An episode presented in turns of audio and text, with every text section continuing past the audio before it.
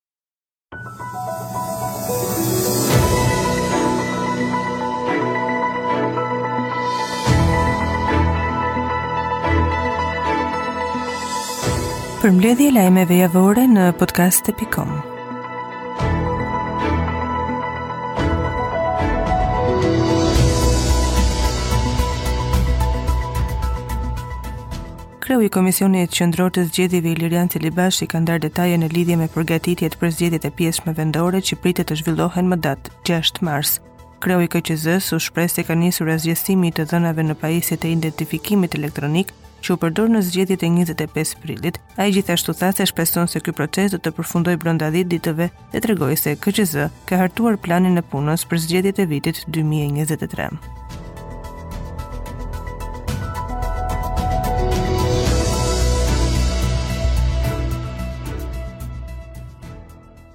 Për herë të parë në historinë e saj në Shqipëri, gjykata kushtetuese brenda 30 ditëve do të dalë në një vendim pro ose kundër shkarkimit të Ilir Metës si presidenti i Republikës së Shqipërisë. Presidenti Meta edhe në këtë seancë nuk ka qenë i pranishëm por u përfaqësua nga këshilltari i tij ligjor Bledar Dervishaj. Ndërkohë nga kuvendi në kushtetuese u paraqitën kryetarja e Komisionit të Ligjeve Klotilda Bushka dhe kreu i grupit parlamentar socialist Taulant Balla. Dervishaj u shpreh se u provua se kuvendi edhe së fundit depozitoi prova të manipuluara me qëllim që të rrëzohen pretendimet e kreut të shtetit. Meta ka vendosur t'i drejtohet prokurorisë për një procedurë hetimore për këtë shkak, ashtu sikurse është e drejtë e gjykatës që të marrë një vendim për manipulimin e shkresës në 4 shkurt 2022.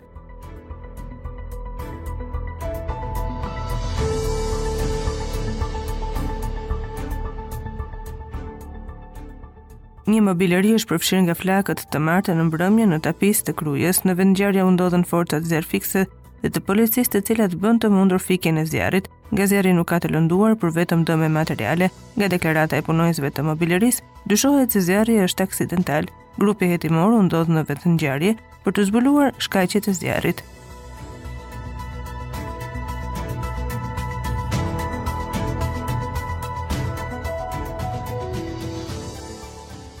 Ferdinand Rushi do t'i dorëzohet Italisë. Ky vendim u dha nga gjykata që pranon ekstradimin e tij dhe pranon kërkesën e Italisë. Mbas këtij vendimi të shpallur gjatë të martës, miratimi i ekstradimit do t'i përcillet ministrit të drejtësisë, i cili është autoriteti final që pritet t'i largojë drejtësisë shqiptare një nga protagonistët e krimit të rëndë të ndodhur në vitin 2021. Aktualisht ky shtetas është nën hetim në Shqipëri për tre vepra penale, më e rënda ajo e rrëmbimit dhe vrasjes së Rushdi Hoxhës dhe nga ana tjetër ajo e kultivimit të drogës si dhe pastrimit të parave. Në përgjimet e italianëve dhe vëzhgimet Ferdinand Rushi, i njohur ndryshe si Fredi, shfaqet në episode të ndryshme të kërkesave me kokainë.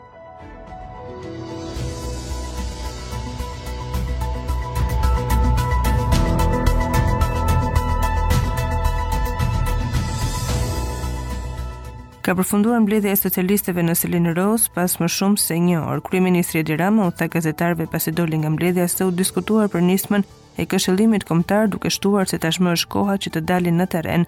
Jemi mbledhur për Këshillimin Kombëtar, si tani duhet të ndërmarrim një angazhim në territor, që të dëgjojmë njëri tjetrin është një proces i ri, por shpresoj që ta fusim në politikë aty ku ka rëndësi për njerëzit. Dua të sqaroj se këto janë vendime të qeverisë për të cilat ne kemi dilema. Se nga përçarja e vazhdueshme nuk kemi nxjerrë dot maksimumin tonë si shqiptarë dhe kostoja ka rënë mbi çështjet që kanë më shumë rëndësi. Folëm edhe për zgjedhjet lokale, për pozicionin tonë që është relativisht i mirë. Besoj se do të kemi rezultat shumë pozitiv, tha Rama.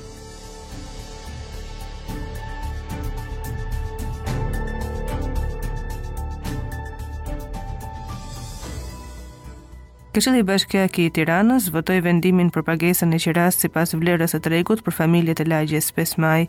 Kryebashkiaku Veliaj tha se qeveria dhe bashkia kanë bërë diçka të paprecedentë si me legalizimin ashtu edhe me kompensimin duke përfshirë dhe banesat e atyre që kanë qenë të përjashtuara nga procesi i legalizimit.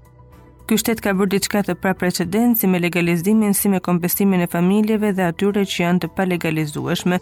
Vendimet i kemi marrë e do i qëndrojmë deri në fund. Sot kalojmë këtë bonus qiraje për familjet e reja që kanë firmosur kontratën. Më rezulton se vetëm 5 deri në 6% nuk e kanë firmosur kontratën, ndaj ftoj të vijnë ta firmosin të marrin bonusin e qerasë e do të marrin metrat katrorë siç i kanë pasur edhe pse 99% e qytetit ndihen të fyer nga ky lloj bullizmi që i bën një pakicë e vogël ndaj një shumice që i ka votuar këtë lagje, këtë qytet, këtë bashki, këtë këshill bashkiak dhe këtë qeveri, tha Veliaj.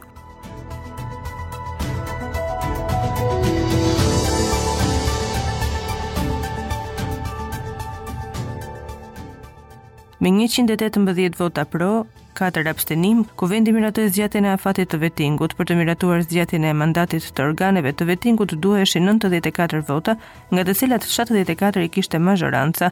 ndërsa pak para nisjes së Kuvendit Partia Demokratike zyrtarizoi votën pro zgjatjes së afateve të vetingut, kurse kundër u shpreh grupimi i ish-kryeministrit Sali Berisha, ndërsa LSI abstenoi.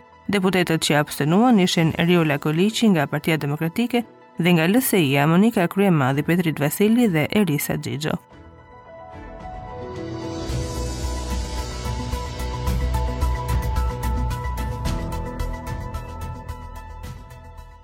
Një njëzet e nëntë vjeçar është arrestuar nga policia pasi këtë të premte nën kërcënimin e armës arriti të merrte një shumë parash duke grabitur filialin e postës së Gjirokastrës. Në prangat e policisë ra shtetasi Ilir Mata, 29 vjeç, banues në Vlorë. Në njoftimin për mediat, policia thotë se rreth orës 12:52 minuta të së premtes, një person i maskuar dhe nën kërcënimin e armës së zjarrit Ka arritur të marrë një shumë parash në filialin e postës shqiptare në lagjen Varosh, Gjirokastër dhe është larguar me shpejtësi nëpër rrugicat e kësaj lagjeje.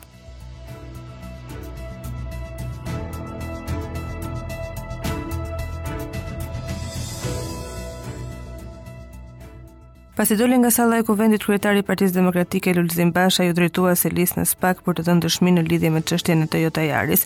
Kreu i PD-së u pyet edhe për dy orë nga prokurorët belgë që kishin ardhur në Shqipëri, pasi po hetojnë këtë çështje. Basha tha kur doli nga SPAK se prokurorët belgë pyetën edhe persona të tjerë dhe se ai dhe Partia Demokratike do ndihmojnë drejtësinë.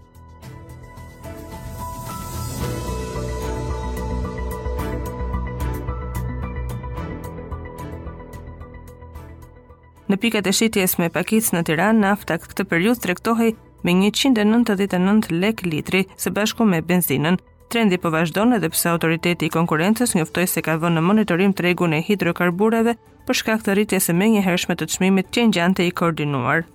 Kjo është rritja e 8 në pak muaj e karburanteve me çmimin që është 40% më i lartë në krahasim me pandeminë.